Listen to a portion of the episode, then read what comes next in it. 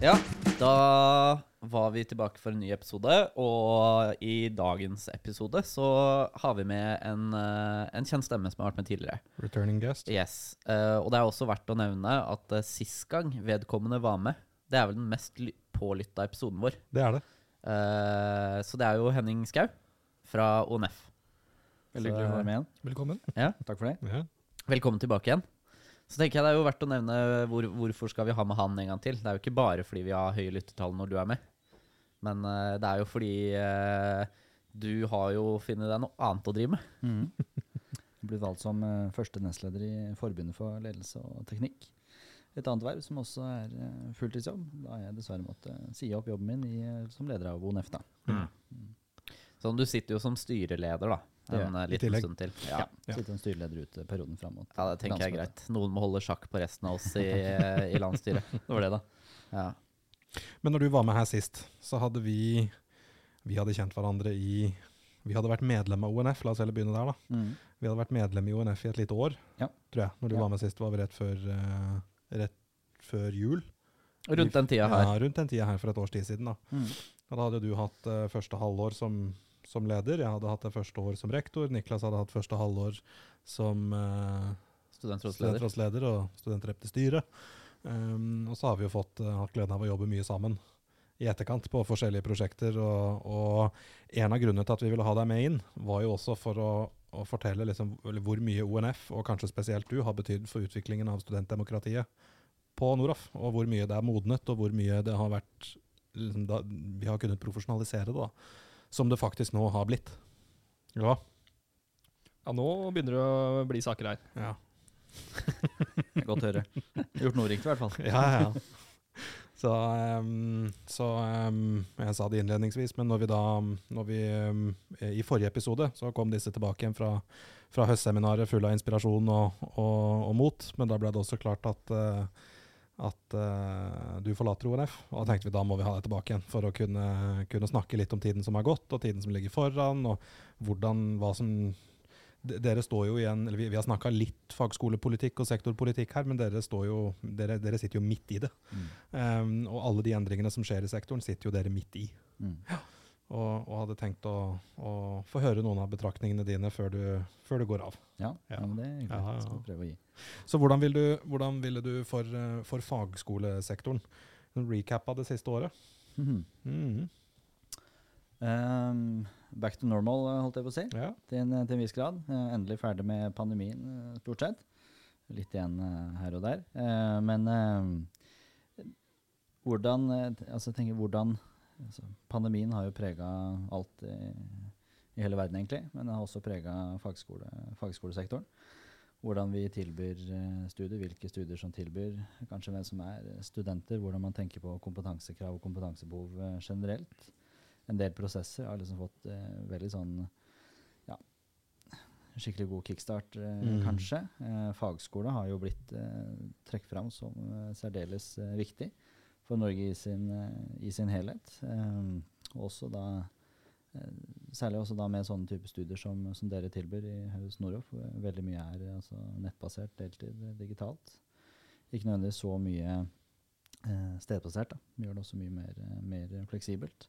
Men jeg tror også det har, det har vist at det er em, altså Vi kommer sikkert litt tilbake på det, men det er ganske Mm. mange store altså, politiske mål vi har i fagskolesektoren. Mm. Både fra studentenes side, fra skolenes side, partene i arbeidslivet, hele fagskolesektoren, som vi, som vi sier. ikke sant? Um, og det har, eh, det har blitt mer dagsaktuelt. Eh, de siste årene så begynner man å komme i, i sluttinnspurten på en del store prosesser. Vi fikk jo I 2017-2018 så fikk vi en fagskolereform. Lovverket ble oppdatert. eller annen fra fagskoleutdanning til høyere yrkesfaglig utdanning. Den er jo i en eh, sluttevaluering nå etter en eh, femårsperiode. mm. Kommer nå i, nå i vinter. Vi har gitt veldig mye innspill der. Mange store bra endringer som har skjedd. Mye som eh, gjenstår. Kanskje de største sånn som virkelig vil ha en effekt på, eh, på den eh, vi si, sektoren vi, vi lever i. Eh, og så har vi dette med NKR, da, Nasjonalt kvalifikasjonsrammeverk, eh, som eh, også har blitt mye mer, eh, mye mer eh, dagsaktuelt. Em, der gjør Noroff nå en stor Nei, NOKUT, mener jeg. Gjør en, eh, NOKUT gjør en stor eh, evaluering eh, der, og skal komme den nå i vinter, eller 1. april. Da, Mhm. kommer de med en, sånn hovedevalueringsrapport, som vi håper vil se positivt ut for, for fagskolesektoren. Mhm. Og der er det jo kanskje særlig til den, til den siste så Altså, Norge er, altså, er jo på europatoppen i å utdanne feil. Det er liksom ikke bare med, med litt. Det er eh, helt ekstremt hvor dårlig vi er kontra resten av Europa.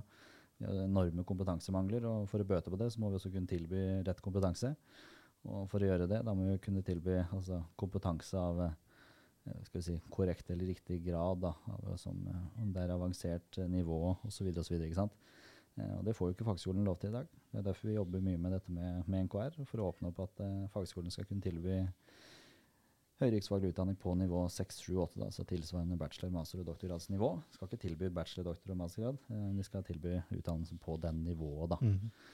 Og ehm, det har vi ikke lov til i dag. og da står på en måte, så Arbeidslivet står i vente da, på at vi kunne tilby dette her. Så det, det må vi bare få gjennom. Det må vi. Bare for å slenge på, liksom. Viktigheten av det.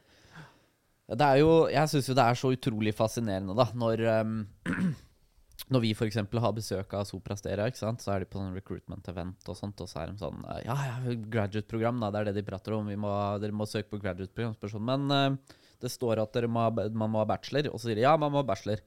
Ja, fagskolestudentene, nei, eh, de kan søke jobb med en gang. Ikke- Det er det de sier, da. Eh, fordi altså, i sånn som i Soprastera, da, så er det jo sånn um, Du skal helst gjennom graduate-programmet rett etter bachelorgraden før du blir ansatt i en vanlig eller seniorstilling. Men når du kommer med fagskolegrad, så er liksom ruta bare rett inn. da. Det syns jeg er sånn Det er så eh, eksepsjonelt godt eksempel på hvor skeivt det er da i forhold til de der kravene mm. som er nå. Vi, ikke, altså, vi ligger på nivå fem i, i realiteten. NKR nivå fem. Men så i praksis så bare smetter vi rett forbi nivå seks når jeg kommer ut i arbeidslivet. Og det er liksom på tide at vi blir anerkjent for den kompetansen som, eh, som er der. Og så er det jo litt hvordan det off, eller hvordan øh, skal vi si, rammebetingelser rundt offentlige anbud, f.eks. Uh, hvor mange av disse store IT-konsulenthusene uh, byr på jobber, enten det er uh, Nav som skal ha et nytt IT-system, eller det er politiet, eller det er Forsvaret, eller det er helsevesenet, eller det er sånn og sånn.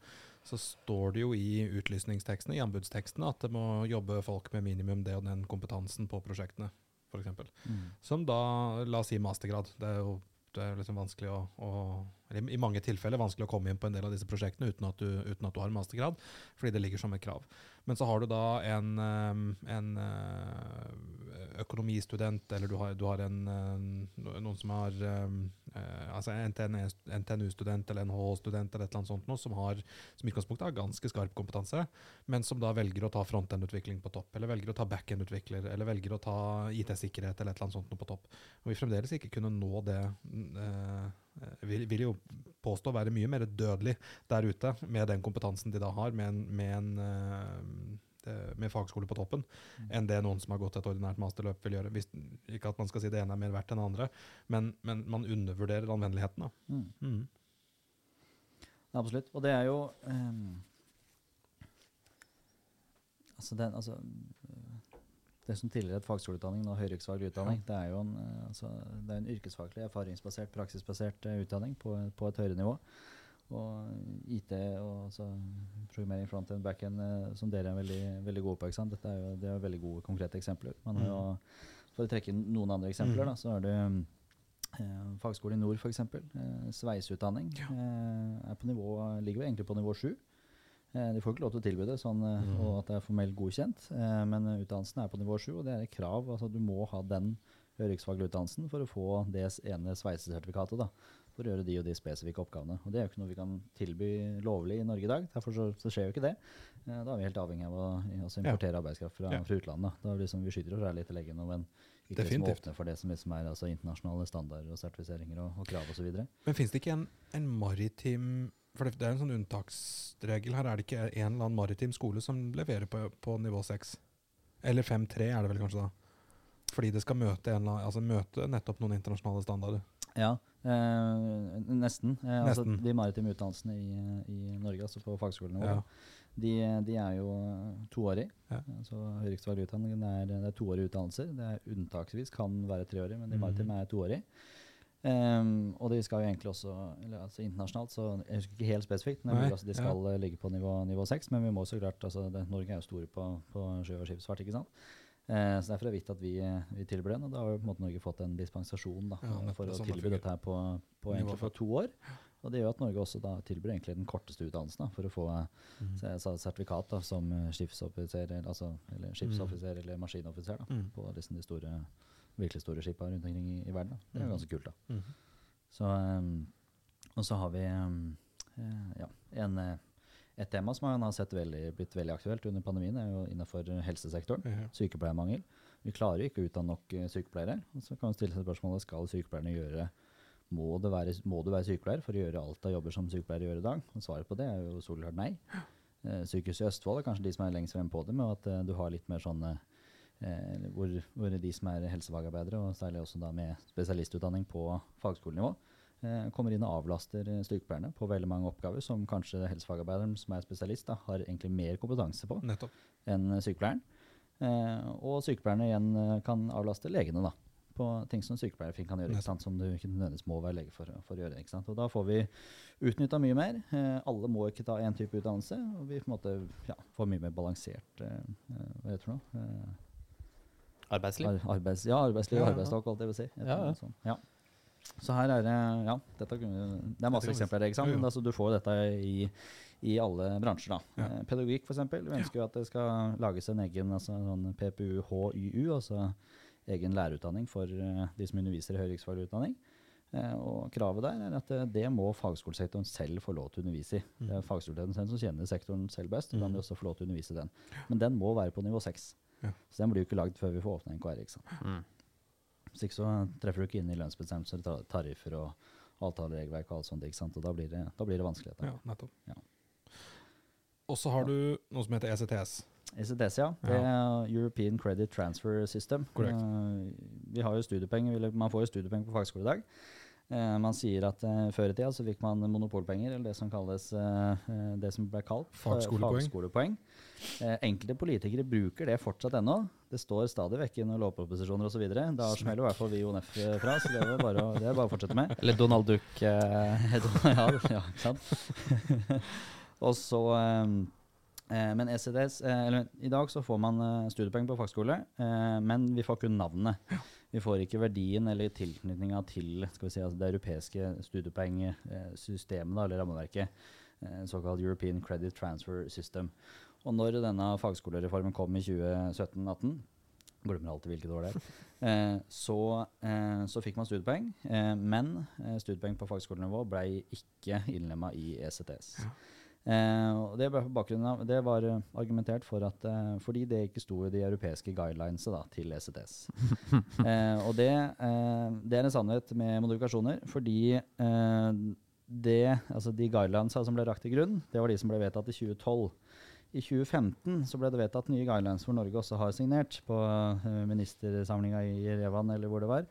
Eh, og Der står det at eh, disse såkalte short cycle education, altså utdanning på NKR-nivå 5, eller EQF, det europeiske nivå 5, også er en del av ECTS. Eh, det ble ikke lagt til grunn når Norge oppdaterte sitt lovverk, så Norge oppdaterte sitt lovverk på altså feil, altså utdaterte retningslinjer. Da. Så egentlig så har man på en måte bryte europeiske guidelines lovverk på ikke gi altså ECTS-tilkobling av eh, studiepenger i fagskolen. Åssen ser du veien der videre? Åssen leser du terrenget? Nei, det Det har jo vært prøvd å gjort om, eh, gjort om eh, siden. Mm. Det er jo veldig sånn spesifikt teknisk. ikke sant? Det er jo, egentlig så er det jo så, så enkelt at det må bare oppdateres. Det er jo Mm. vedtatt på feil grunnlag. Eh, Det har vi prøvd å få til å skje de siste fire åra. Det er ingen politikere som biter på den og tar den ordentlig. Og så er det jo eh, også embetsverket. Det er Kunnskapsdepartementet her som må ja, de må få ut fingeren og bare foreslå dette. Nå må vi få oppdatert dette her. For når vi foreslo dette eller når vi vedtok det sist gang, så vedtok vi feil. Er det noen som er uenig i dette? Ja, det, det vil jeg tro. Det er jo mm. em, Ser det sammen med, med NKR, så er det kanskje ikke alle som ønsker at mm -hmm. fagskolene skal, få- skal få undervise på et, eh, på et høyere nivå. Man sier ofte at eh, skal man undervise på et høyere nivå enn NKR nivå 5, da blir det akademisk og da blir det forskning. Det er også helt, helt feil. Eh, Norge har jo bare sperret den yrkesfaglige søylen. At du ikke kan undervise noe yrkesfag på, noe, på høyere nivå. Vi ønsker å åpne det, men at det er to separate søyler. da. At du underviser på yrkesfaglig høyere ikke på et akademisk høyere nivå. da. Og for de som, når det blir snakk om søyler og på nivå på NKR og litt sånt, for de som ikke er eh, like oppdatert på lingoen, ja, Mhm. de som lytter, Ja. dra dem raskt igjennom. Hva er eh, NKR? Ja. NKR, det er altså nasjonalt kvalifikasjonsrammeverk, baserer seg på det europeiske kvalifikasjonsrammeverket EQF. Eh, Det er eh, enkelt og greit en nivåinndeling av all utdanning i, i Norge. da. Hvor du har grunnskole på nivå to, du har videregående på nivå fire, så får du fagskole på nivå fem, og så starter eh, bachelor på nivå seks, mastergrad på nivå sju og doktorgrad på nivå åtte. da. Eh, og eh, Eh, I eh, veldig mange andre land eh, i Europa da, som vi sammenligner oss med, eh, så har man et såkalt dualsystem, hvor du har en akademisk eh, Nå snakker jeg da etter videregående skole. Så har du en akademisk søyle, og så har du en yrkesfaglig søyle. da. Og det er jo denne yrkesfaglige søylen til, eh, til Norge, som, eller disse søylene til Norge, de er veldig skeive. da. Altså Ja. Hvor den akademiske går helt opp, men den yrkesfaglige den Stopper. stopper fortsatt i kjelleren, holdt jeg på å si. da. Ja. Ja. Og når man snakker om, om nivåer i kvalifikasjonsrammeverket, så snakker man eh, nivåer av læringsutbytter. Yes. Det er det man egentlig Ja. snakker om. Ja. Ja. Hvor, eh, skal vi si, hvor spesialisert det er, hvor avansert det er. Ja. Nivåer du må kunne dette før du klarer måte forstå det, osv. Ja. Ja, ja. Mm. Så dette er liksom Og um, hos ONF så er dette noe Uh, dette er noe av kjernesakene. Det er noen av kjernesakene, ja. I tillegg til det så er en ting dere har kjempa hardt for så lenge jeg har kjent dere, og som uh, heller ikke kom på plass i år, Mhm. det er jo Nasjonalt studentombud. Yes. Yes. Ja. Prat litt om det. Ja. Eh, vi ønsker jo at eh, det skal opprettes et, et eget nasjonalt studentombud, eller nasjonal studentombudsordning. Vi endrer litt ordlydene fordi sektoren har vokst så mye at det er behov for mer enn ett. Og i dag så er regelen at hver skole skal ha sin, Yes. ha en tilknyttet. Ja, det er eh, opp til altså, Styret på de enkelte fagskolene skal sørge for at uh, alle studentene på, på skolen har tilgang på et, på et studentombud. Og studentombudet skal være uh, uavhengig fra både studenter, fra altså, skole og administrasjonen sin, sin side, og på en måte være en sånn en, en tredjepart som kan eh, bistå egentlig begge deler. Det er jo primært for, for studentene, liksom om deres eh, rettigheter, tvistesaker, hva skal gjøre da osv. Skal ikke gå inn og representere, men være med som sånn, altså en megler, da, et, et eget eh, ombud. Da. Hvor det er viktig at du både har uavhengighet, men at du har også god kjennskap til fagskolesektoren og til det juridiske da, lovverket. Og Vi ser at det fungerer i varierende grad. Eh, I tillegg så får jo ikke altså fagskolene får ikke noen ekstra midler for å opprette dette. her. Eh, det kommer stadig vekk krav til fagskolene, men fagskolesektoren får ikke ekstra eh, midler til det. Eh, så de, altså de offentlige sliter jo ekstra mye der. Eh, dere som er en privatskole, dere må jo stadig vekk snu om. ikke sant? Skal vi, må vi nedprioritere noe annet, eller skal vi øke semesteravgifter osv., som ikke studenter er noe glad i, osv. Eh, så det gjør at man kommer i en litt sånn kinkig situasjon, men sektoren er ikke mindre enn at dette her kan løses også på et mm. nasjonalt nivå. og Derfor så har vi jobba i flere år nå for at det skal opprettes et eh, nasjonalt studentombud, eller nasjonalt studentombudsordning. Og det fikk vi gjennomslag for i, eh, i Hurdalsplattformen i, i fjor høst. Eh, og det her er snakk om tre millioner kroner. Det er ingenting hvis du ser på hele statsbudsjettet i sin, i sin helhet. Eh, vi det inn i Hurdalsplattformen. Eh, det ble laget en utredning av eh, Ideas to Evidence eh, på bestilling fra HKDIR, Direktoratet for høyere utdanning og kompetanse. Eh, og eh, den blei ferdig i januar-februar i, år. Eh, det er da før statsbudsjettprosessen ordentlig begynner i, i mars. Og vi hadde ganske god tro på at det, eh, det vil også da komme i, i statsbudsjettet. Eh, og i tillegg så Denne utredningen den ble bestilt av den forrige regjeringen. De hadde ikke politikk på nasjonal studentombudsordning. Eh, så opprinnelig så var eh, bestillinga at det skulle, det skulle utredes om det var behov for det eller ikke. Eh, og så ble den endra med nye regjeringa med at de hadde allerede bestemt at det skulle opprettes. Så den ble endra til hvordan bør det se ut? ikke sant da? Hvilke oppgaver skal det gjøre? Hvor bør det plasseres? Osv. videre Og så videre. Og alt det som egentlig kommer fram der, det er det vi lagde i Nasjonalt fagskoleråd i 2020. En rapport vi lagde der. Det står ikke nødvendigvis noe, noe nytt der heller. Den backer mer kanskje opp. da. Går litt bredere og litt større sånn, skal vi si, faktagrunnlag. da. Um, og vi var jo ja, veldig trygge på at den da skulle komme i budsjettet. Eh, og da når jeg åpner budsjettet på den forhåndspresentasjonen, så ser jo ikke jeg noe til studentombud, men det står en brødtekst der da, at ja, det, i, det som står der, er at eh, den rapporten kom tidligere i vår, og at eh, det nå er opp til vurdering da, om det skal opprettes eller ikke. Så da har man på en måte gått tilbake igjen fra sin egen politikk på at man skal gjøre det, til om det nå skal vurderes eller ikke. da. Og så viser det at man har, ikke helt eh, kanskje blitt eh, eh, enig, da, eller så fornøyd da, kanskje med den rapporten eh, som kom, og at man fortsatt har spørsmål om da, fra måte, politisk og, og embetsverket sin side på hvordan dette skal, skal se ut. da. Eh, og det er en beskjed vi gjerne skulle fått i februar, når den rapporten kom. Ikke nå på, på høsten. da. Nå er jeg veldig, veldig direkte, men nå er jeg på vei ut også, så Ja. det det, da går vel det greit. Men det er, sånn, her er det, det er et tiltak som vil vi har veldig stor effekt. Det vil sikre rettssikkerheten til fagskolesentrene på en helt annen måte. Eh, fagskolesenter har jo, for å sammenligne med universitet og høyskolesenter, så har ikke fagskolesenter rett på å få dekt kostnader knyttet til altså juridisk bistand i tvistesaker, rettssaker osv. med skolen, sånn som studentene i UA-sektoren har. da. Det også er et veldig rar, rart vedtak, for der står det i, i høringen da, på, på det lovverket at det, det var så få saker i fagskolesektoren, så man så ikke behov for at det også skulle gjelde der. da. Man stiller spørsmålet åssen argumentasjon det var for at det ikke skulle finnes, men det, det var nå det som stod der, og så ble det jo ikke lagt inn. Så det er, det er, en, det er en rettighet som fagskolesenter mangler, da. Som UH-studenter har, f.eks. Og her mener vi at et, eh, så, altså et studentombud bør eh, Eller det, det vil hjelpe i veldig stor grad. Og det vil hjelpe på å gjøre det tilgjengelig og sikre altså kvaliteten da, på de tjenestene studentombudet skal, skal gi fagskolestudentene. For i, eh, nå løser jo sektoren dette på litt forskjellig Se der, ja. eh, nå, nå løser jo sektoren dette på litt forskjellige måter. Vi har jo et delt studentombud sammen med en, eh, eh, et universitet. Eh, og så er det jo noen som har det selv, og det er til og med noen som har, har hatt noe ansatt. og så er det noen som har... Men hvordan, hvordan opplever du at, at dette fungerer i sektoren i dag?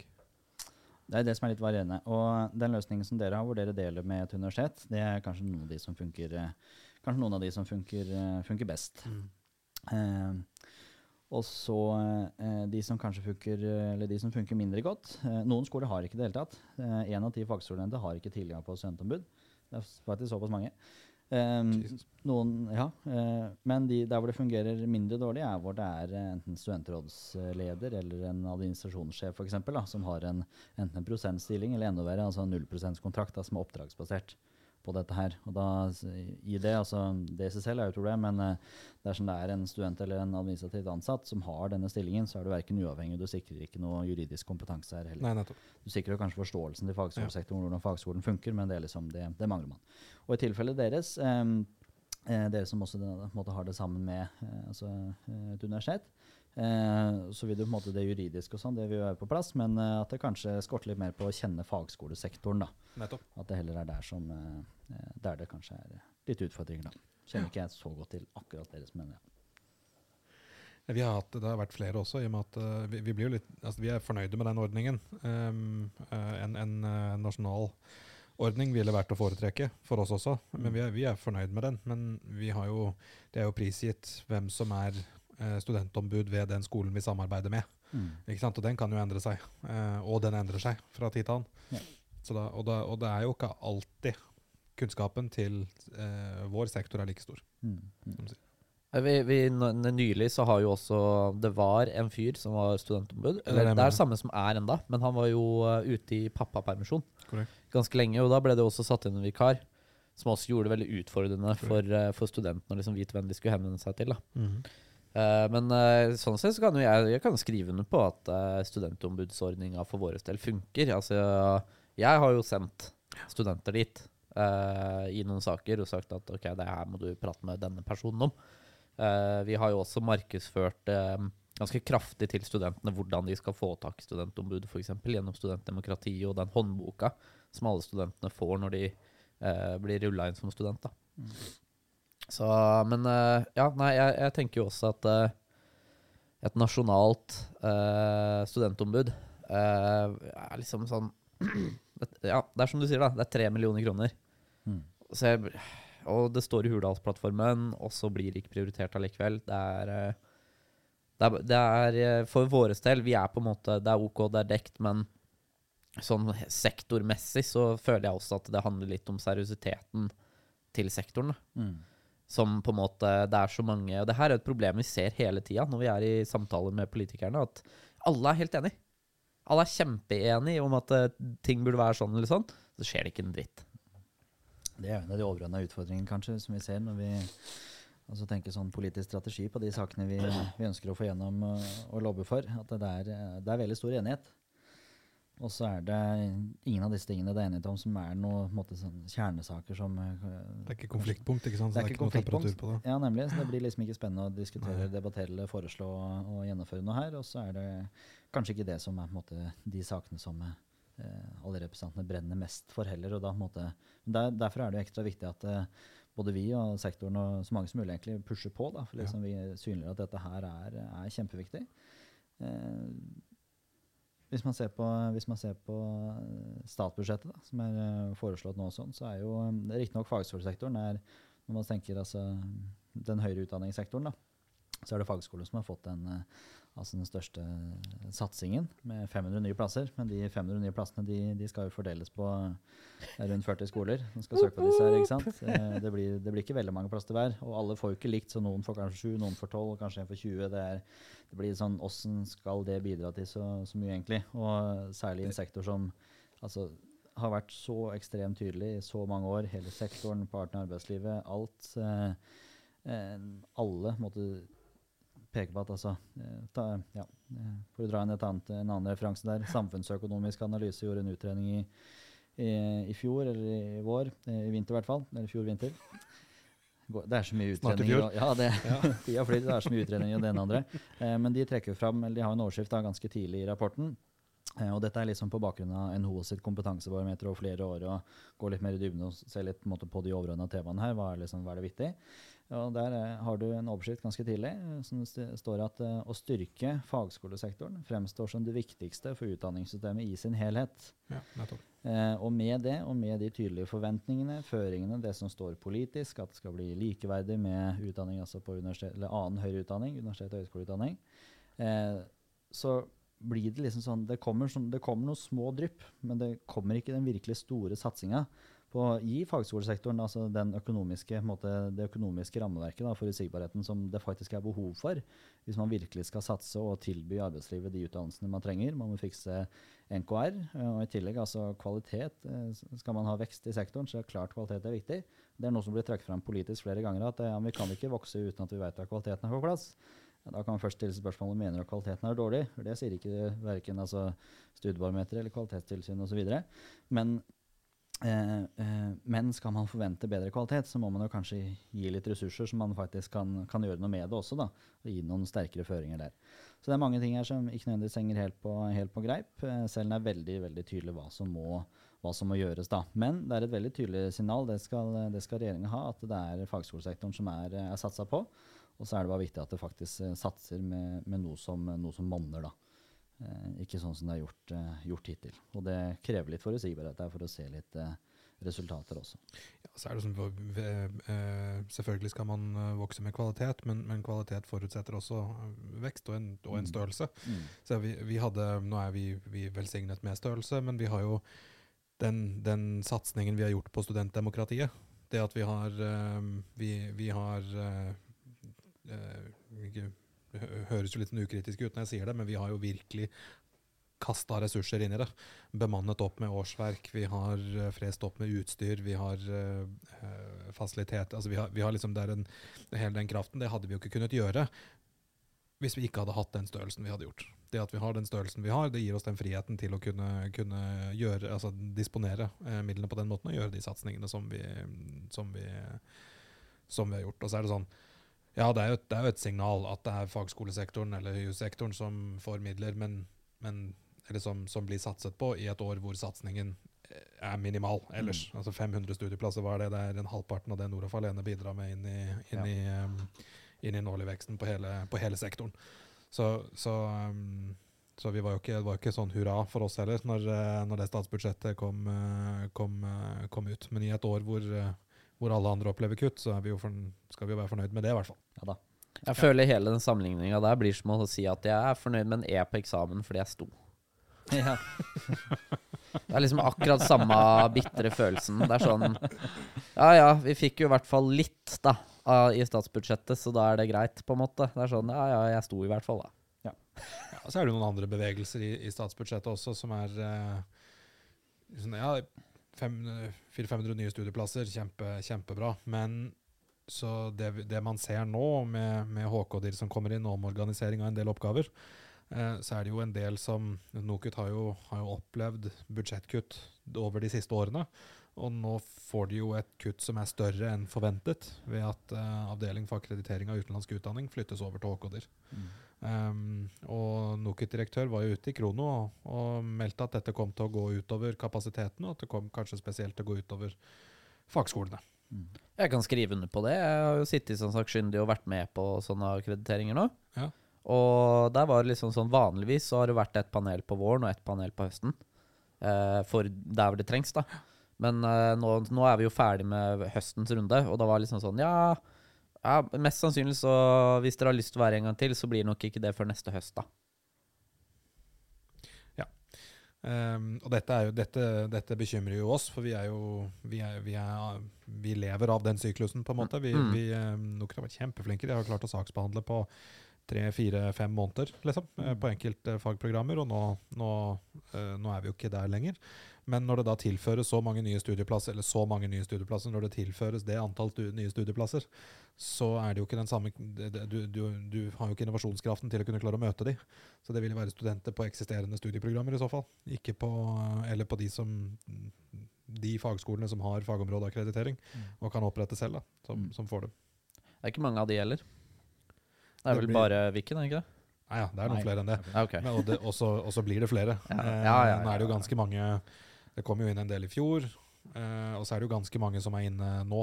De guida vel på at det var en 10-11-12 stykker som skulle komme inn, og så har jeg ikke sett siste tallet på hvor mange som kom inn, men, men, og de behandles jo i løpet av det året halvannet som ligger foran nå. Da. Mm. Så det blir jo flere. Noroff kommer jo til å søke inn sine om ikke så Mm. altfor lenge også. Ikke sant? Og neste steg der er jo, det er jo dette med institusjonsakkreditering også. Ja, ikke sant?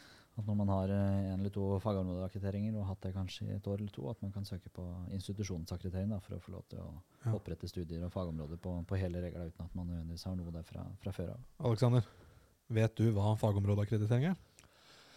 Jeg eh, er litt sånn i lyttemodus nå, jeg. Ja. Jeg vet jo eh, litt om mye. Ja. Så du kan godt gå gjennom det for alle lyttere som kanskje Ja. ikke vet hva det er. ja. Og veldig politisk svar, Alex. Vi prøve å gi, eh, gi en av det, da. Så får vi utfylle hverandre, Henning. Men det er fagskolene. Hvis, eh, sånn i utgangspunktet så må fagskolene um, sende inn enkeltprogrammer til akkreditering. Mm. Så du er student på frontend. Mm. Alex, Så vi har en, en akkreditering for å levere det faget. Det er et toårig studieprogram. Ehm, og da har, uh, har læringsutbyttene, studieplanen, uh, vært inne som en del av en søknad sammen med um, liksom, det som ellers går på, på fagskolen som institusjon, med opprinnelig kvalitetssikringssystem osv. Og, så videre, og så har vi har liksom fått akkreditert for å levere det ene studiet. Ja, har du en enklere forklaring på det? Ja. så du satt og titta på meg. Mm. Når blir du ferdig, liksom? Nei da. Eh, enkelt forklart, eh, hvis du starter, la, ta det enkleste eksempelet, da. Du starter opp en ny fagskole. Da må du søke på hvert enkelt studie du skal tilby. Eh, neste steg da er at du søker på å få eh, godkjenning innenfor et helt fagområde. Teknisk f.eks. helse, økonomi, administrasjon, samferdsel. Eh, får du godkjenning på det, da kan du opprette studier selv innenfor det området. da. Og neste steg Som vi ikke har ennå. Som de, som dere ikke har ennå, nei. Ja, men neste steget finnes ikke i fagskolesektoren Nei, heller. nei, Nei. stemmer det. Det er, det er, og da kommer du til institusjonsakkreditering. Ja. Og da kan du opprette egne fagområder også. Da. Så, eh, og så er det jo ulike kvalitetskrav, som Åge sier, ikke sant, Ja. på, på hver av disse her. ikke sant? Jeg tenker at det blir veldig fascinerende, fordi det er sånn det, det ligger veldig naturlig progresjon her. At det kommer, altså det er fagskoler som kommer til å ende opp med å søke om institusjonsakkreditering. Men samtidig så er man ikke anerkjent på nivå, nivå 6. Mm. Men det er liksom sånn Ja, men dere har bra nok kvalitet på at dere kan finne på hva dere vil innafor deres område. Men uh, dere, får ikke, dere stopper fortsatt på 5-2. Mm. Sånn, sånn som det ser ut akkurat i dag, da. Mm. Så håper jo at på en måte når vi kommer dit, så bør det jo ligge tillit og kompetanse gitt fra politikerne til skolene da, til å på en måte Det er greit, dere kan uh, lage høyere yrkesfaglig bachelor, Mm. for eksempel. Mm. Så det er jo, altså det er jo den veien det går. Det er, eh, men allikevel, da, så er det så mye blokker. Jeg syns det er veldig, veldig rart. Og det er jo kanskje det, for å dra samtalen litt videre, da. Hva, sånn, hvordan ser fremtida ut nå? Mm. Og hvor, hvor, hvor ligger de store proble problemene hen? Det, det går på en sånn overordna satsing, prioriteringsnivå, hvis en skal ta det helt, helt overordna. Dette er en sektor det er eh, uten tvil eh, ekstremt stort behov for at man satser på veldig mange områder og reviderer litt rammeverk osv. Og, så videre, og rett og slett gir tillit. da, altså En tillitsreform til fagskolesektoren tror jeg hadde vært på sin, vært på sin plass. Og at man innser at eh, eh, her må man eh, så, på overordna base altså tar man statsbudsjettet i Norge i sin sammenheng eh, og ser på de ulike utdanningsretningene og, og måte, sektorene man har, så at man kanskje må omprioritere litt. da. Eh, går jo også på dette med at man vil mangle 100 000 fagarbeidere innen eh, 10-15 år. Eh, det er hvis vi satser sånn som vi gjør nå. Man hører stadig vekk at det satses mye, men det, det er med den ekstra satsinga, så gjør man det. Så her må man, her må man eh, omprioritere. Eh, både for Norges del, men også for, for enkelte eh, sin del. Men for disse tingene på, på fagskolesektoren, så når det gjelder eh, rammeverket, så må NKR på plass. Eh, det avhenger veldig. Eh, med mindre det blir noe politisk eh, kjappgang i dette, overstyring. Det syns jeg det absolutt burde bli. SV er vel faktisk det eneste som har, og Frp i fjor. Men uh, i år så er SV det eneste jeg i hvert fall har fått med meg, som er veldig på. Uh, Freddy for eksempel, sa det under Arendalsuka at uh, det er så stort behov for NKR, og det er så tydelig hva behovet er. Og Norge skal ikke finne opp noe nytt her. Vi skal, vi Skal bare følge flokken. vi følge, følge flokkene, følge Europa på, på systemet. ikke sant? Så det er to forskjellige varianter man må bestemme seg på. Parallell eller paraply. Vi trenger ikke å gå i dybden på den, og da sitter vi her noen timer. Og Freddy er uh, SPs representant i Utdannings- og forskningskomiteen på Stortinget. Korrekt. Stemmer det. Ja. Men uh, der var han på at uh, her bør altså, politikerne trå til litt og ja. skape litt endring her. Eh, men hvis ikke det skjer, så avhenger dette her veldig av eh, den uh, evalueringa som eh, NOKUT nå, nå gjør. Eh, og der, eh, eh, der er vi veldig spent på hva den, eh, den ender opp med. Vi var, eh, vi var veldig positive og optimistiske, og så var vi kanskje ikke så optimistiske lenger. Nå er vi litt mer optimistiske igjen, men det blir liksom eh, veldig på de signalene vi har fått. da, eh, På hvordan det vil se ut for, for fagskolesektoren sin del der, og nivåinnplassering da i, NKR, som er på en måte store, eh, det store kravet. Eh, når den kommer 1. 1. april, så får vi virkelig håpe at den eh, sier der at eh, vi bør gå for eh, høyere NKR-nivå for, for fagskolesektoren.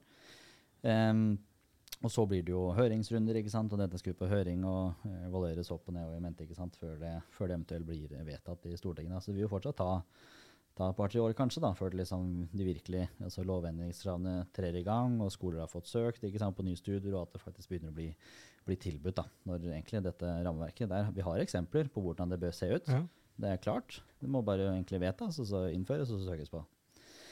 Og så har du det var NKR. Eh, også dette med ECTS, da, som er helt essensiell. Både for, eh, eh, både for at man skal få en reell verdi ut av de studiepoengene man, man har, både i Norge, eh, at det er lettere å sammenligne internt mellom fagskolesektoren, eh, UH-sektoren f.eks. Men det er også helt essensielt for internasjonal studentmobilitet da, at det er sammenlignbart når du skal ut og enten ta utveksling, du skal ta påbyggingsår, om du skal bygge på med noe utdannelse osv., men også for innveksling, altså studenter fra utlandet kommer til Norge da, og få noe, få noe igjen for det. Ehm, det går nok kanskje på dette rammeverket en del, og så må jo uh, NOKUT må også ha ressurser nok til å på en måte kunne uh, ta unna disse søknadene på alle mulige nivåer. Og som vi hører fra dere også, det blir ikke noe, blir ikke noe færre Nei. søknader fremover. Uh, prosessen hos NOKUT de er eh, revidert veldig. Som du sa, det tar nå Mm. det tar ikke, altså Egentlig så tar det ikke hva jeg husker ikke, det er tre-fire uker selve saksbehandlinga tar på enkeltsøknader, men nå er det så mange ikke sant, at de klarer ikke å ta unna. Derfor så tar det jo lang tid fra søknadstidspunkt til søknaden er ferdig behandla. Det. det her er det jo gjort om, så man sitter jo nå i paneler og godkjenner mange utdannelser i stedet for én og én. Og så har du Um, og så har du altså det finansielle da, for, for sektoren. Um, går med på de offentlige, og de skolene søker offentlig uh, støtte, så klart. At man faktisk får finansiering for å altså, dekke de reelle kostnadene. Det er så banalt, egentlig, den politikken vi, vi har der. Må, altså, skolene må få altså, dekket de kostnadene de har, og de må få faste midler til å drive med kvalitetshevende altså, tiltak og utvikling osv. Skal man drive med utvikling i noe stor grad i dag, så må du søke på utviklingsmidler. Og da har vi jo eksempler på fagskoler som søker på å få bytte ut stolene og pultene i klasserommet. Liksom. Det, er, eh, det er ikke det du skal søke utviklingsmidler på, men det er jo, det er jo så altså, skjørt, da, den økonomien, at man faktisk må, må gjøre det. da. Og det håper vi da, altså, altså, at det har sendt litt eh, politiske signaler på at dette må, må satses på. da. Studentombud er eh, soleklart eh, viktig.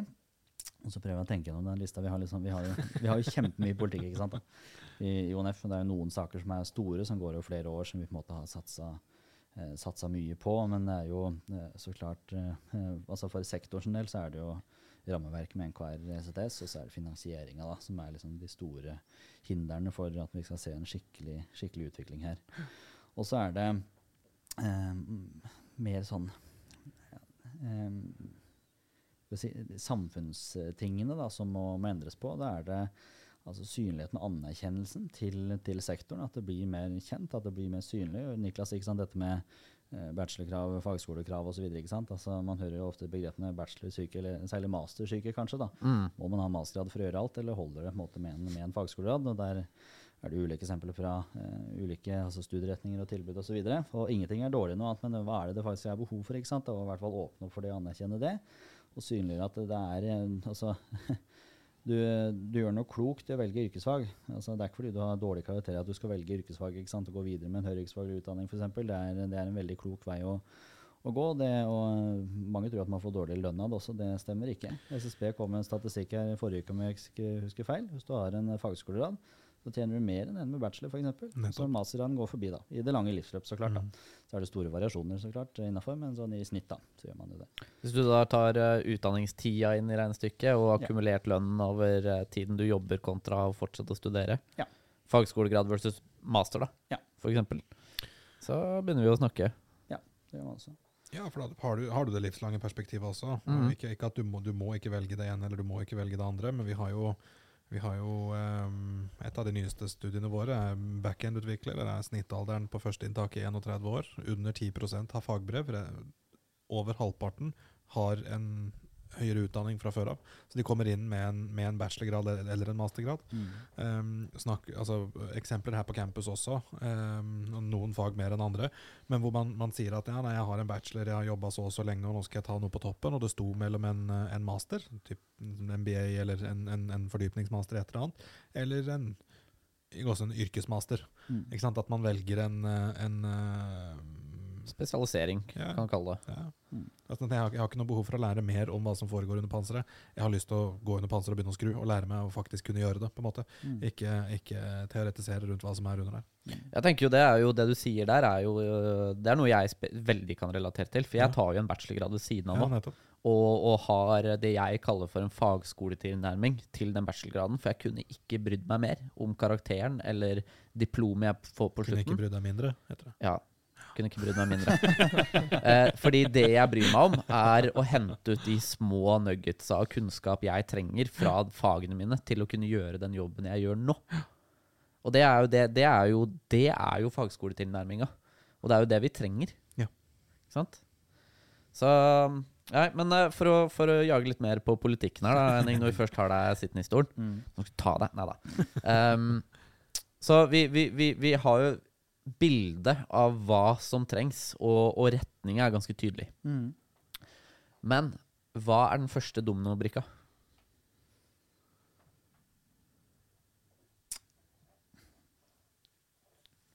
Hvis du kunne At, fått eh, ja, så du, at, at, ehm, at politikken faktisk blir gjennomført, Mm. ville jeg sagt. Det er kanskje sånn, blir sånn kjedelig politikersvar, men det er, det er på en måte der det ligger. For politikken finnes der. Den ligger der. Ok, Åssen kan vi få til det, da? Hvem er det vi må filleriste? nei, skal vi nevne navn? Neida. Eh, nei, altså det første eh, så Det er jo politikerne som sitter i utdannings- og forskningskomiteen, da, som er, måtte, har ansvar for dette her for, for fagskolens del, og, Mm. og statsråden eh, Ola Borten Moe. Ola Bortevegg? ja, det har også blitt brukt. Eh, jeg var vel ikke så snill med henne i media for litt siden, når han sa at du ikke fikk noe grad av å gå yrkesfag Mm. heller, så, men han beklagde det, så det er, eh, det er bra. Ehm, men at uh, man faktisk eh, satser, uh, altså at politikerne faktisk innser at uh, her har de et ansvar. Her er det de som faktisk må sette i gang noen noe prosesser, for de ser ikke av seg selv. Her skal vi endelig hele rammeverket på hvordan vi definerer utdanningsnivåer i, i Norge. Vi må omprioritere midler til det man faktisk får noe igjen for. Som du var inne på i stad, Niklas, dette med altså, hva får man faktisk ut av, altså, altså, hvor lang tid tar det kontra hva du får ut av det osv. Mm. Eh, hø- Høyriksfaglig utdanning er mye kortere eh, Mm. enn eh, akademisk utdanning, kanskje, og du kommer mye fortere ut i jobb. Så AS Norge vil jo tjene sånn sett mer på det. altså Du får Du er raskere anvendbar i jobben. ja, billigere per studiepeng, for å si Ja, det sånn. da. ja. Ehm, og så må man eh, eh, Ja, på, på dette med NKR så er det få partier som har, eh, har uttrykt særskilt at de de er for det, ingen som sagt imot, men uh, veldig mange venter på denne evalueringen da, fra, fra NOKUT før de på en måte Mm. tør å si noe litt av måte, respekt for systemet også. Jeg forstår jo den så klart, men her må det det må rett og slett politisk handling til. Vi må klare å overbevise politikerne, og dette må skje. Og dette må skje uh, fortere egentlig enn uh, den prosessen som, som pågår nå. Da. Hvis ikke så får vi jo bare større og større uh, problem. Tror du, tror du um, de er så etternølende fordi de ikke vet nok? Altså de, de, de kjenner rett og slett ikke NKR? Det er en sånn Ja. et kunnskapsgap? Ja, det tror jeg. De kjenner ikke NKR eh, godt nok, kjenner ikke nødvendigvis fagskolesektoren godt nok, og heller ikke hvordan det er kobla til altså de kompetansebehovene vi, vi har. da. Vi er på en måte vant med på en måte, utdanningssystemet, hvis du tenker i sin helhet, på hvordan det liksom takler kompetansebehov. Og så, liksom ikke, så har vi kanskje ikke nødvendigvis gjort noen store endringer for å dekke de og de kravene og behovene osv., men nå ser man at nå må man gjøre ganske store endringer da, for å klare å, tette de, eh, de gapene vi har. Og da må du omprioritere ganske mye. altså. Eh, Så få, man må, når det gjelder midler, altså ressurser, så må man, eh, hvis man ikke kan få, få inn noe nytt, så må man omprioritere i, i ONF. Så vi har ikke noe, vi har ikke noe spesifikk politikk på hvor pengene skal, skal hentes fra. Og det er fordi at vi, altså, eh, selv om vi får gjennom NKR og alt mulig sånn, vi skal ikke konkurrere med universitets- og høyskolesektoren, for eksempel, da, i fagskolesektoren. Eh, men hvis det ikke kommer flere eh, penger inn i, i statsbudsjettet, eh, så må det jo omprioriteres innenfor de ulike departementene osv. f.eks. Og da blir det jo naturlig da, at en del midler kanskje må flyttes over fra universitets- og høyskolesektoren til, til fagskolesektoren. Eh, ser man på finansieringen av, av de to, så er det en enorm skjevfordeling, hvor fagskolesektoren får Mhm. litt over en milliard, og så er det søkbare midler og, og diverse sånn også. Eh, mens eh, eh, UH-sektoren får eh, ja, over 40 eller 50 milliarder, det er vel underkant av 50 milliarder. Og det, det går jo igjen også i, i, i mm, eh, regulatoriske rundt. NOKUT har vel egentlig aldri fått tilført mer midler for å håndtere en voksende eh, sektor. Det har de heller ikke. Nei. NOKUT har aldri fått særskilte midler for å følge opp fagskole. Nei. Når det er den sektoren som er i størst vekst, flest søknader osv., så, videre, så eh, samme ikke sant, som at fagskolene får flere krav, men ikke får noen midler til å følge opp, så har heller ikke NOKUT gjort det. da. Nei. Når når de også får eh, flere kutt, så går jo det bare én vei, da. Ja. Dessverre, da. Ja. Ja. Og så har man jo eh, Vi har ikke snakka så mye om studentene nå, da. Eh, Det også er jo minst, minst like viktig. Men kan jeg, i en overgang til det så kan jeg si at altså, hvorfor ONF jobber så mye med sektorsaker, det har så stor betydning på studentene, studentenes eh, hverdag, altså på den selve utdannelsen du får, da, eh, og det som på en måte er behovet i, i arbeidslivet, det, det må på en måte på plass eh, før man begynner spesifikt på, på si, andre studentkrav. Og så er det, det er minst like vidt, så klart, men det er på en måte så store ting, og det krever så mye ressurser at der har vi lagt inn ganske mye. Det er veldig lange prosesser som vi har gjort over, over mange år. Og så har vi jo det siste, eh, siste året så har vi jo vent oss eh, litt. eh, og eh, for å ta litt sånn eh, jeg historisk på det, nå har jeg vært med i ONF i de siste eh, fire årene. Var på min første landsmøte i 2018, ble valgt inn landsstyret i 2019, eller starta der i 2019. Så snudde vi om på årshjulet, så i mars 2019 ble jeg valgt inn som nestleder. Satt som det i to år, og så har jeg vært en leder det andre året mitt som, som leder nå. Da. Og i den perioden så har vi jo eh, vi har jo eh, altså, både sektoren har vokst, men ONF har også vokst eh, veldig. Gått fra eh, 10 000 medlemmer til eh, nå over 24 000 medlemmer. Eh, vi har gått fra å være halvannen ansatt på kontoret til nå fem stykker. Og det gjør at vi har, vi har jobba veldig mye sånn strategisk og organisatorisk profesjonalisert oss selv, både internt, eksternt. Fokusert mye mer både på politisk påvirkning, på synlighet i media. på en måte Ikke vært noe redde. Vi er nok kanskje en ganske sånn offensiv på organisasjon på veldig mange områder. Eh, som heldigvis gir resultater og gir oss innpass der vi må på en måte være med da, for å på en måte få forståelse og sørge for at ting skjer på, på fagskolesektoren også. Eh, og at fagskolestudentene også er en eh, litt annerledes gruppe, studentgruppe enn eh, universitet- og høyskolestudentene. Hvor eh, i fagskolesektoren så er det nok ikke eh, den tradisjonelle altså, mm. heltidsstudenten i 20-åra på en måte som er vår største gruppe. Det, er, eh, det kan være alle som sitter rundt eh, bordet her. ikke sant? Det, det er alt fra 20-åringen som nettopp har fått et eh, fagbrev til eh, til eh, 30-åringen som vil gå fra å være snekker til um, mer sånn anleggsleder, eh, til eh, til eh, folk som vil ha omskolering eller mer spesifikk utdannelse som er i 50-60-åra. Det er eh, veldig spredt, ikke sant? og um, ulike livssituasjoner, familie ikke, uh, boliglån osv. osv. Studerer mye deltid osv. Um, men vi har jo um, det siste året og så har vi sett særlig gjennom, særlig gjennom pandemien også, da. Pandemien har jo prega oss uh, mye også, med hvordan vi måtte jobber og kjører vår eh, politikk. Og gjennom pandemien så var vi kanskje den studentorganisasjonen som var mest på at her trenger faktisk studentene økonomisk eh, støtte, Mm. økonomiske midler. Det er helt høl i huet at eh, studentene ikke er inkludert i dagpengeregelverk f.eks., og kanskje særlig fagskolestudentene som ofte primært jobber og studerer litt på deltid, men fordi du eh, studerer i tillegg, så fikk du ikke rett på dagpenger hvis du ble permittert. Mm. Selv om du mottar studiestøtte, så betaler du minst like mye skatt. ikke sant? Studiestøtte er jo en ekstra gode man har for å studere i Norge. Det helt, eh, nei, det, det skjønner jeg ikke. Eh, høringen også, altså Dagpengeregelverket ble revidert under pandemien. Eh, og alle høringsinstansene hele høringen la opp til det at eh, nei, nå må det åpnes for at også studenter skal få dagpenger. Det skjedde jo midlertidig under pandemien, så ble det tatt bort. Eh, men det ble ikke vedtatt i det hele tatt. Og det er ikke noe mer større begrunnelser på, på det nødvendigvis. Eh, og så har vi dette med de altså krisepakkene da, som har kommet. Det var det jeg begynte å, å si i stad. De krisepakkene som har, eh, har kommet, der var nok eh, eller grunnen til at de så sånn som de gjorde, at eh, studentene faktisk fikk stipend inn i bildet der. Det er nok, det tror jeg kan skryte ganske mye om. Det hadde ikke skjedd hvis ikke vi hadde pusha på så mye som vi gjorde. Og var så for at det må komme stipendandel inn i den. Vi skulle helst hatt alltid stipend, men det fikk vi dessverre ikke til. Men de første forslagene var jo på at ja, hvor mye lån vil dere ha? Mm, Dere får det, det må betales tilbake uansett, liksom, så det, det går greit. Og så, eh, men der pusha vi, da var nok vi den eh, av de nasjonale studentorganisasjonene, så var nok vi den som pusha mest på at eh, nei, det er ikke godt nok, vi, her skal vi ha stipend. Resten av landet får, får altså, de får reine penger, da. Altså stipend, om du kaller det det, liksom. Eh, som de slipper å betale tilbake. Eh, det gjorde jo ikke studentene. Så studentene er jo den gruppa som har fått minst støtte som sådan under, under pandemien. Og vi har jo også, eh, litt i regi av det, så har vi også fokusert mye mer på dette med studiestøtte, og hvilket nivå studiestøtte som er riktig nivå å legge seg på. Og Der, eh, der har vi, i likhet med hele studentbevegelsen, eh, lenge hatt et, lenge hatt et krav på at studiestøtten økes til 1,5 G. 1 G er ca. 106 000 kroner, altså 1,5. Og så har vi jo nå endret til at vi mener studiestøtta bør opp på 2 G. da. At det er et mer, mer reelt nivå som uh, gjør at man går uh, mye nærmere i, i null. da. Og så er det jo kjempestor variasjon på hva en fagskolestudent og en student generelt har Ja, behov for på uh, livssituasjon og studiesituasjon og studiested og det ene og andre. ikke sant? Men eh, vi mener også at studentene skal jobbe ved siden av. Men eh, i, en, eh, den, i en sånn grad at det ikke går utover studiene, så klart. da. Mm. At eh, 2G er eh, virkelig det rette nå å være på der. da. Mm. Det blir moro. Ja, Ja. så vi får se. Ehm, når det gjelder studiestøtte, så har jo LO støtter oss f.eks. i det. Ja. LO vedtok jo på kongressen, kongressen tidligere at de skal jobbe for, eh, for 2G. Flere av de politiske partiene har eh, 2G, noen har eh, 2,5. Eh, så det er eh, veldig bra. Så vi får håpe at det skjer litt her. Eh, studentene har jo fått et, eh, en stor økning nå, så større enn det som mm. originalt var foreslått i budsjettet. Eh, så det er bra. Vi er på, på rette vei der. Så forhåpentligvis så skjer det litt, eh, litt der fremover også. Men for eh, for ONF sin del da, nå ja, så, Kanskje en- av de store hovedforskjellene da, eh, i løpet av de fire årene som eh, jeg har vært med nå. også. jeg skal ikke ta, jeg skal ikke ta æren for alt dette her, eh, så klart. Vi er eh, mange som har jobba med dette her.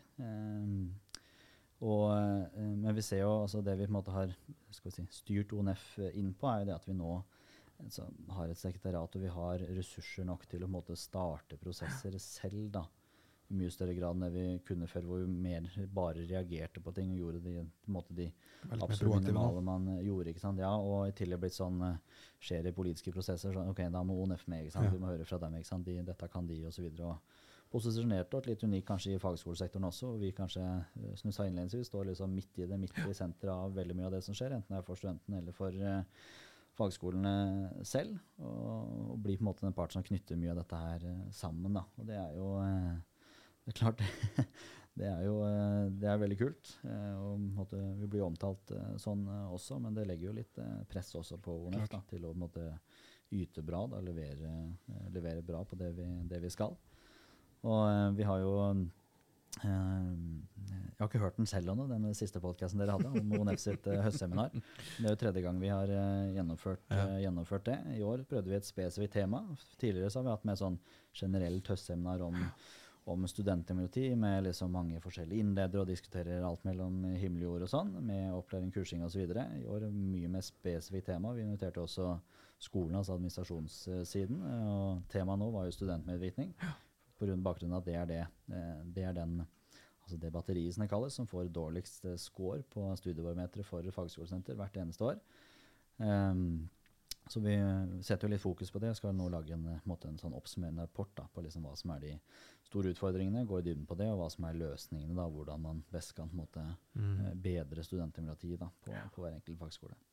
Og Der også er det masse, masse forskjellige løsninger. store, eller Mange forskjellige typer utfordringer. En utfordring kan godt være måtte, samme utfordring, men det må løses helt ulikt fra skole til skole. Forutsetningene er forskjellige. Veldig. veldig. Ja. Så det er, eh, det er masse å ta tak i fremover. Og så er det jo en stor en annen stor skifte da, som kanskje har skjedd for fagskolestudentene eh, det siste året, er at eh, fagskolestudentene også blir tatt med i flere av de nasjonale undersøkelsene, særlig med tanke på helse og sånn. SHoT, eh, Studentenes helse- og trivelsundersøkelse, pluss levekårsundersøkelsen. Første gang fagskolestudentene har vært med der, og resultatene der er eh, dessverre ikke overraskende, men de er jo nedslående og ganske kritiske. Um, Fagskolestudentene ofte er eh, verre. altså Det er flere som har selvmordstanker og har prøvd å ta sitt eget liv. Eh, flere fagskolestudenter sliter med å betale en uforutsett kostnad på helt ned i 5000 kroner. Eh, og dette er jo ting som man må ta, eh, ta tak i. Og det er også det krever litt politisk satsing på det også. At det faktisk blir gjort noe tiltak. Det kommer jo ekstra tiltak under pandemien med altså, koronamidler for sosiale lavterskeltilbud osv. Det har jo ikke blitt videreført. Nei. Selv om tiltakene funka kjempebra. Man sleit litt med hvordan man skulle bruke de helt i starten, ikke sant? men man har funnet løsninger på det og sånn. Det er midler som kan tilpasses på mange ulike måter. Ikke sant? Absolutt. Om det er å få flere psykologer eh, tilgjengelig for studenter, eller om det er eh, pizzakvelder, eller hva det måtte, måtte være. ikke sant? Så er det men mentorer, f.eks., på skolene. Ja, det har vi hatt eh, kjempesuksess med. Vi har brukt mye av det på mentor, og det kan du Ja. sikkert snakke Burde nesten hatt en egen episode på det, Niklas. Mhm. Men, eh, men det har jo vært enormt populært hos oss, og noe mange Ja. har meldt at har vært, vært kjempeverdifullt. Så vi sitter Ja. jo omprioriterer hos oss da, for å klare å Det, det er liksom noe vi ønsker å, å, å videreføre. Mhm. Um, men nok en gang, da, vi, vi, det, er der vi er nå. så skal vi, eh, De midlene de forsvinner jo, de løper jo ut ved nyttår. Det gjør det. Og det er jo eh, Altså Før resultatene fra både levekårsundersøkelsen og SHoT-undersøkelsen kom, så var vi kjempetydelige på det overfor politisk ledelse at eh, disse midlene må, eh, de må videreføres. Eh, de midlene som ikke er brukt, må i hvert fall ikke trekkes tilbake igjen. Ehm, og, eh, men viktigst av alt, de må, de må videreføres. De må man eh, fortsette med, for de har så mye å si.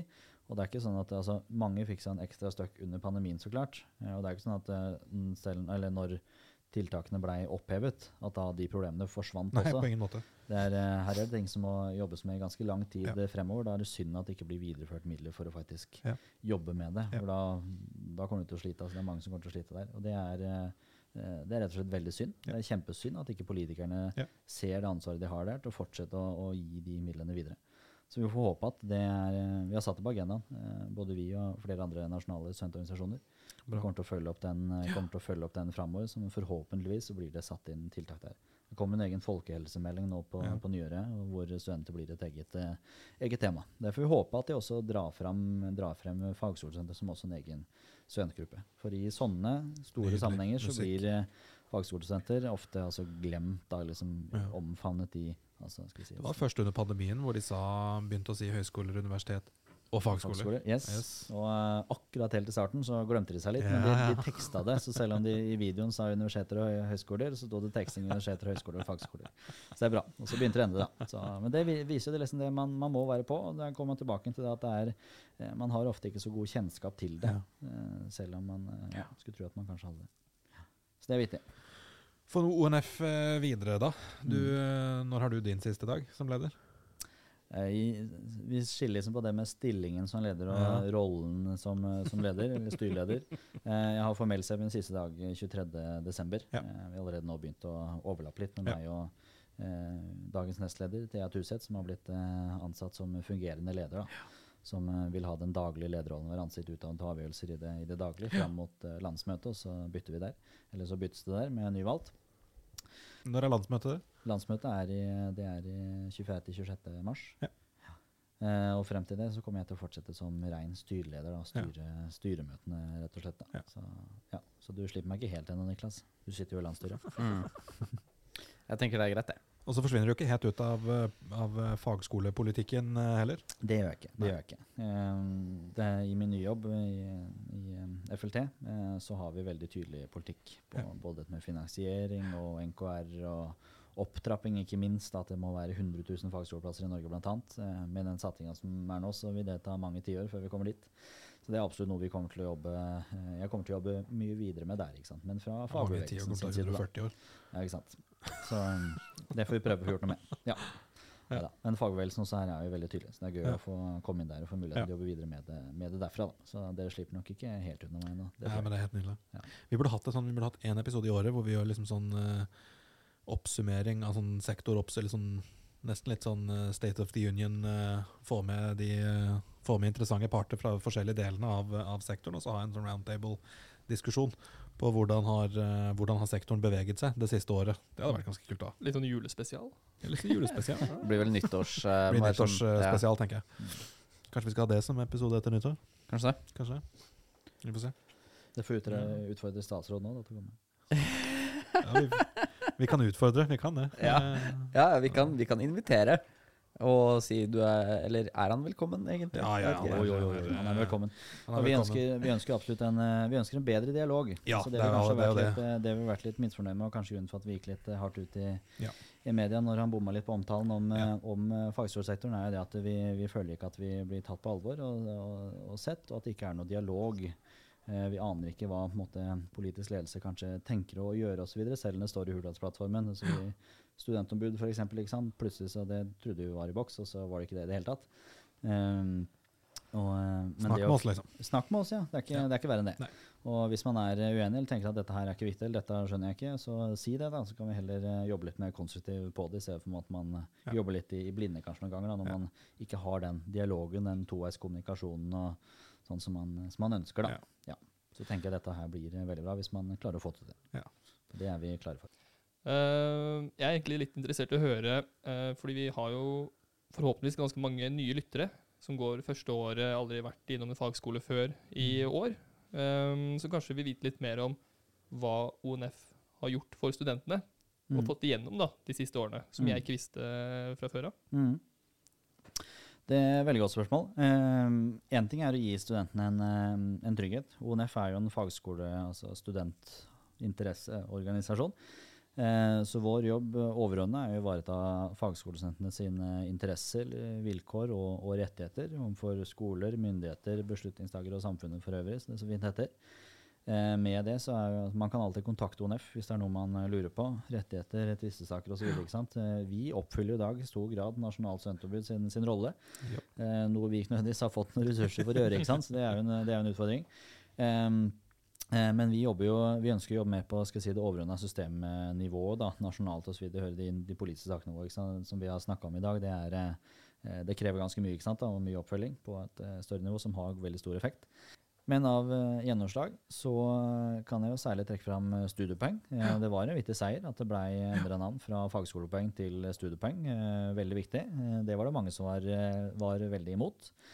Em, dette med at det er bytta navn fra fagskoleutdanning til høyere yrkesfaglig utdanning, så må vi bare bli flinkere alle sammen på å ikke si fagskoleutdanning lenger, for det er ikke noe som heter det. Det heter høyere yrkesfaglig utdanning. Eh, det er veldig med på å synliggjøre også nettopp dette med anerkjennelsen da, av eh, hvilket nivå og hvordan type utdannelse dette er. Det er mye lettere å beskrive det når du snakker med f.eks. en arbeidsgiver. Da, altså Hvordan kompetanse er du da? Nei, jeg har en høyere yrkesfaglig utdanning, jeg har en høyere fagskolegrad f.eks., eller fagskolegrad i det og det. Um, og så eh, dette med Det er ganske mange rettigheter da, som har kommet på plass. Eh, Mm. Fagskolestudenter har eh, har ikke hatt, og har eh, ikke i dag heller, alle de rettighetene som studenter i universitet- og høyskolesektoren har. Eller elever, f.eks., for, eksempel, for den saks eh, skyld. Eh, Foreldrepermisjon er noe man ofte tar for gitt i Norge, at man har uansett hvor man er, hvem situasjonen eller jobb eller studier osv. man er i.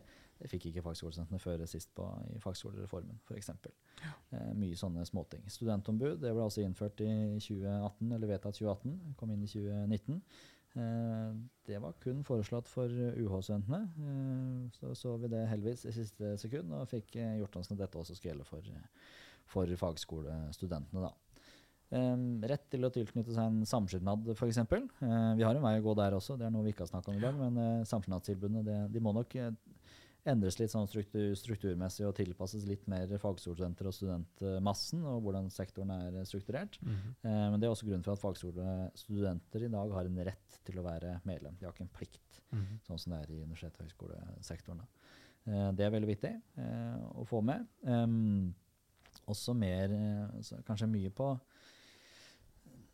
Nettopp at fagskole og fagskolesenter har blitt satt mer på, mer på dagsorden, eh, tenker jeg er veldig viktig å få med her. Eh, fagskolesenter har også blitt flytta opp, eller fagskolesektoren har blitt flytta til eh, eh, statsråden for høyere utdanning og, og, forskning. Tidligere lå det under kunnskapsministeren. Helt feil nivå å ligge til på. Det blir anerkjent som eh, høyere utdanning. Det heter jo tross alt høyere yrkesfaglig utdanning, Korrekt. eh, som er, er, veldig viktig. Um, ja.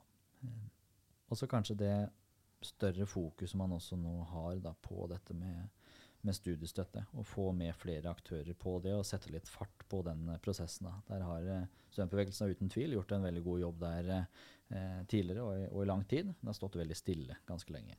At man nå begynner å få litt mer altså Det er mer dagsaktuelt at det faktisk skjer noen endringer der. da. Som jeg tenker ONF har vært en god bidragsyter til. Og tør å, tør å være litt litt proaktiv og litt, kanskje litt crazy der i noens øyne. da, og vedta noe annet enn det som har vært et uh, krav veldig lenge. da. Som er veldig, det er veldig gøy, da. Ja. Det er sikkert veldig mange andre ting jeg kunne sagt nå også. Ja, ja. Liksom listen sånn, er lang. Listen er lang. Spar noe til neste gang også. Ja.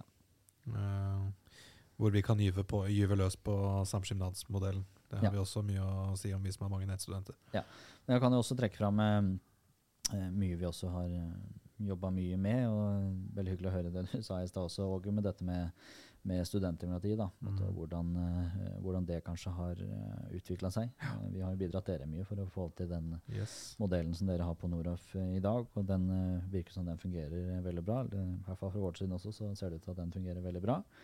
Eh, men det å ha mer fokus på det, og hjelpe fagskolene med det, og studenter osv., og, og til å få dette her eh, ordentlig opp og gå, det, det har vært veldig gøy å være med på å se resultatet på. Da, at eh, systemene funker, Mm. funker mye bedre. Mm.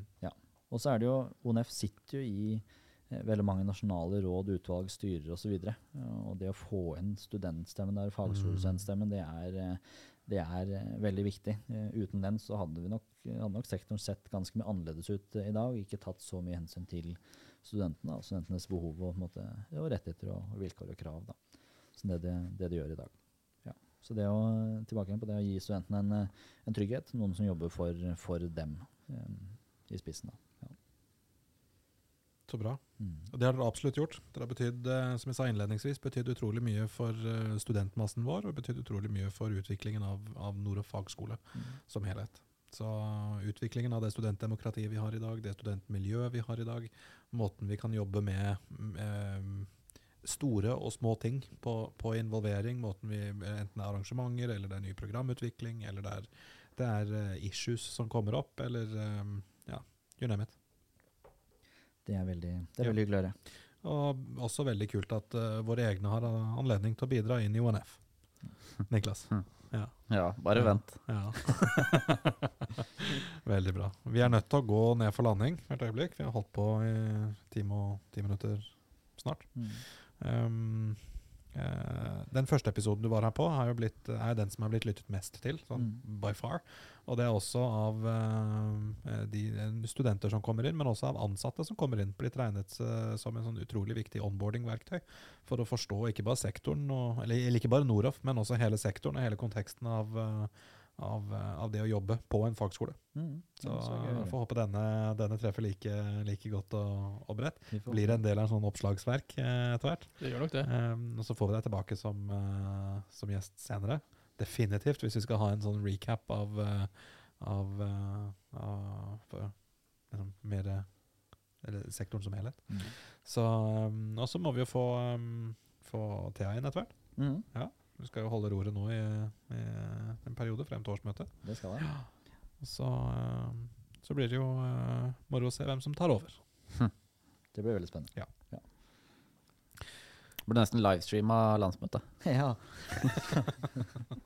Det blir action. Ta med Mm. podstudio inn på landsmøtet og så ha sending fra utsida. Ja. Kommentatorboks. Helt Kommentar- ja, den Få lille en sånn liten kommentatorboksen. kommentatorboks, Ja. og så har jeg høyttaler. eh, Det hadde vært gøy. Ja. Men eh, jeg tenker jo eh, sånn helt eh, avslutningsmessig, Henning, så må vi jo bare si takk for tjenesten. Jo, bare hyggelig. Enkelt og greit, og en kort applaus.